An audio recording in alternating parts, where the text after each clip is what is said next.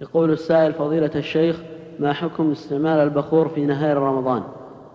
استعمال البخور في نهار رمضان لا بأس به كاستعماله في غيره ولكن لا يستنشق الدخان الذي يكون من هذا من هذا البخور وإنما يتطيب به ولا بأس أيضا أن يتطيب أن يطيب به اللحية وأن يطيب به الغترة وأن يطيب به المشلح لأن المحذور هو أن يدخل إلى جوف الإنسان شيء من دخان البخور.